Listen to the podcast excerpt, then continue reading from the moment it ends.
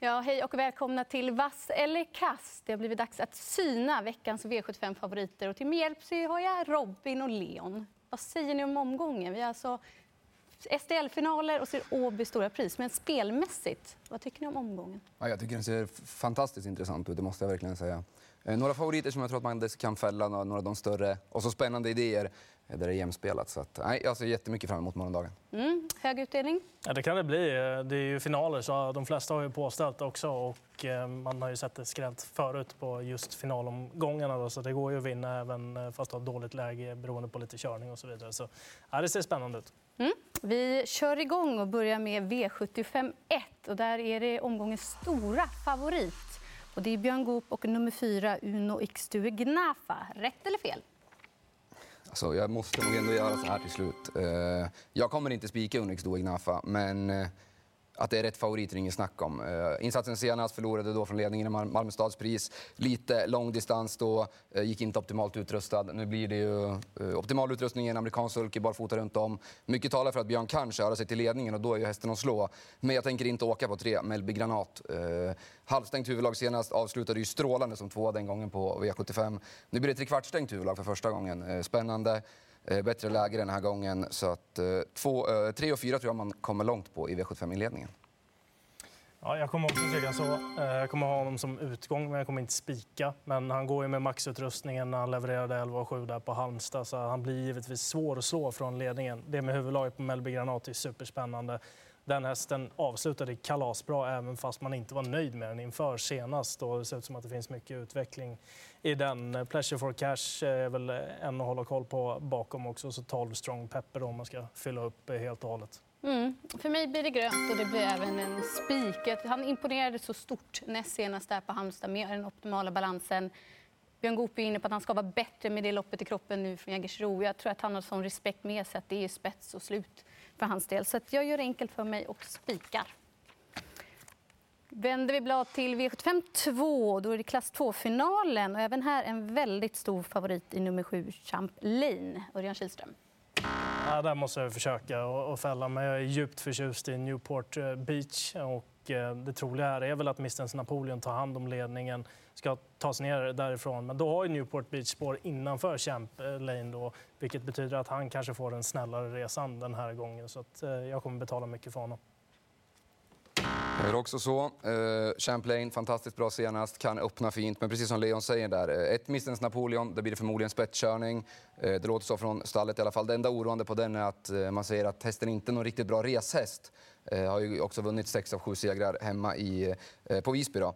Eh, Newport Beach såklart jätte, jätteintressant. den är ju en släkting till Cyber Lane det här som startar i Åby Stora Pris också. Newport Beach kommer jag absolut betala för, men Champlain, nej, ingen spik, men given att sträcka då såklart. Mm, för mig blir det ju rött. Jag tycker att det är rätt favorit, men inte till 62 procent. Det är alldeles, alldeles för mycket. Framförallt nu när det låter som att konkurrenterna inte lägger ut mattan för en heller, utan han kanske får göra jobbet den här gången. Så att, eh, sex Newport Beach, andra hästen i loppet och sen informationen från Carl-Johan Jeppsson där också om två Arvid SO. Det tar jag till mig. Hästen är bra i ordning, bra läge med en fin resa, rallykalle det kanske skräller ordentligt. Så att, nej, det tyckte jag var bra information som vi fick i V65 direkt. Vidare till V75 3 och då är ett väldigt fint fyraåringslopp. Och även här är det Björn Goop i favoritskap bakom nummer 6 Aramis Bar. Nej, Eh, uh, Armis Bar, uh, fantastiskt positiv senast kontra starten innan tycker jag. Jag har inte riktigt tagit till mig den här till 100 procent, men uh, gick jättebra då eftersom andra utvändigt. Uh, den här gången så kan nog kanske Björn köra sig till ledningen och då är nog en del vunnet. Men jag tänker inte ryka på 9 Tabasco CD.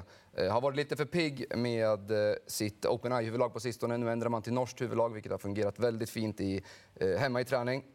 Eh, farten i den här är ju väldigt fin och blir lite körning där framme. Dessutom så är det några av de här hästarna, visst Aramis Bar har ingen direkt uppgift som man siktar emot men sådana som Power, det ska väl Berg ta det lugnt och så. så att, eh, ja, kan det bli någon form av körning, kanske att Golden Dream är med, eh, att Nora Bräcken är lite gassugen och väljer att svara Björn åtminstone en bit så tror jag att eh, 9 Tabasco C, då kanske 11 Marvelous Thomas ska också passas då, fast mm. spurtstarka. Eh, det blir rätt på Aramis Bar. Rätt favorit, men jag tror inte att han vinner den här varannan gång. Han höjde sig på barfota bak och var jättefin. Men också fin resa, bra tempo på det här. Vi vet Powers förmåga. Han kan tajma den tiden som Aramis Bar kan, om han är i ordning. Och sen åtta Ultium Face. Ja, jättetråkigt utgångsläge, men han slog ju favoriten Aramis Bar senast de möttes där under Elitloppshelgen. Så jag tycker att procenten är lite väl låg på honom. Garderingslopp i mina ögon.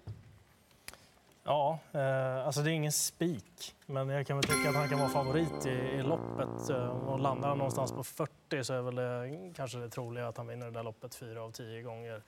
Han var jättebra på nya balansen eh, och fungerade perfekt, men han fick ju också tempo uppskruvat åt sig och behövde inte göra någonting själv i, i loppet. Och så hamnar han lite på vingel här från start, då kan han ju vara sårbar. Så det gäller att täcka upp med några där bakom. Galileo Am, lägesgynnad den här gången, den känns som att man inte har sett botten i den. kanske kan vara en typisk sån där som dyker upp på stretchen. Ja, det bör lossna i den snart. Alltså. Mm. Vi vänder blad till V75 4 och det är diamantstoets final. Lite jämnare här på procenten. Men även här Björn Goop, 9, Antara Bi att bedöma. Nu har jag gjort så där på henne varenda gång och hon vinner varje gång i alla fall. Men eh, nej, jag måste fortsätta. Eh, gått fantastiskt bra. Det finns ingenting att slå ner på överhuvudtaget. Hon imponerar ju stort varenda, varenda gång och senast så blev jag väldigt imponerad av slutrundan där. Eh, jag kan dock inte släppa 14 millimiljonär som eh, Fredrik Wallin har haft väldigt svajig stallform men hon har faktiskt fortsatt leverera och eh, insatsen på Angien senast var riktigt imponerande. Eh, spurtade ner dem då på väldigt bra sätt. Tycker ändå att de står rätt så bra till här. Örjan är upp för andra gången, spännande. Gick ju bra med honom första gången han provade. Sen är det ju såklart både att man har varit i, Frankrike och vänt på ganska kort tid. Det är lite oroande för formen så att det är ju ingenting man går rätt ut på. men jag tycker uppgiften står också 20 meter bättre till kontra 15 Karamil Hill jämfört med när de möttes senast. Då. Så att Millimiljonär är min första häst. Ja, eh, det är fullt möjligt att eh, Mille är första hästen i loppet. Men Divine nummer 12 måste man ha med för springspår ihop med Adielsson. De har ruskigt bra statistik ihop. Hon testade i stoeliten i den senaste starten.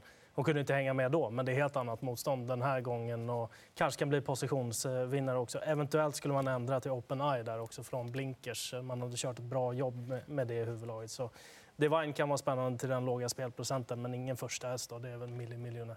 Mm. För mig blir det ändå grönt. Jag tycker att Antara Bi är rätt favorit. Jag tycker procenten är rimlig. Hon har imponerat, men spår 4 i volt är inte helt enkelt. Fyra Sunettan Palema, Ulf Olsson, det är spår 4, men han är bra och hon är bra i volten. Skulle de rycka åt sig ledningen och hålla ett jämnt bra tempo, jag tror att det blir svårt för de andra att ta in tillägget. Um, ingen häst jag går fullt ut på, för jag tycker det här är ett öppet lopp och det brukar kunna skrälla i diamantstorfinalet. Och den roligaste skrällen, det är den du nämnde, Leon, Divine. Erik Adelsson har kört henne vid fem tillfällen, aldrig varit sämre än tvåa. Och så springspåret nu, hon mötte tuffare hästar senast. Så att, eh, jag tycker att hon är given. 2% är alldeles för lågt. Vidare till V75 5 och då är det bronsdivisionens final. Och här är det jämnt. Lite fördel då till 10 André Ward. Tufft att trycka rött på en 18-procentare, men eh, det är ingen spik i Andrew Ward tycker jag inte. Vagabond B 9-3 sista varvet för en vecka sedan på Rättvik bakom Vaiviktis klubb, lägesgynnad. Gått förbättrad när den har gått rent, alltså utan skydd och barfota runt om. Och David Persson trodde också att det kunde göra lite på startsnabbheten. Så ja, får han till det, då känns det ju väldigt spännande på Vagabond B som också har dragit det bästa spåret. Mm. Ja. Eh, Andrew Ward. Eh Nej, spurt är fantastiskt senast, eh, men jag tycker det känns som att eh, Flemings, det här släpandet, det gör i alla fall att jag får gråa hårstrån så att eh, det är ingenting jag kan gå på. Fyra gick det är faktiskt en tänkbar spik för mig. Lite svajig form hos Magnus Dahlén, men jag tror att hästen kan ta sig till ledningen den här gången. Har visat lite förbättrad startsnabbhet, barfota fram för första gången. Uh, ja, når man bara till, eller kommer man till spets, då tror jag att det är hästen att plocka ner. Den här hästen visar ju fantastisk kapacitet i fjol också. Det känns som att man är på gång, har fått lite snällare resor på sistone också. Så att uh, fyra tick, det är helt tänkbar spik för min del. Mm. Då skulle jag ändra till Open Eye där. Mm.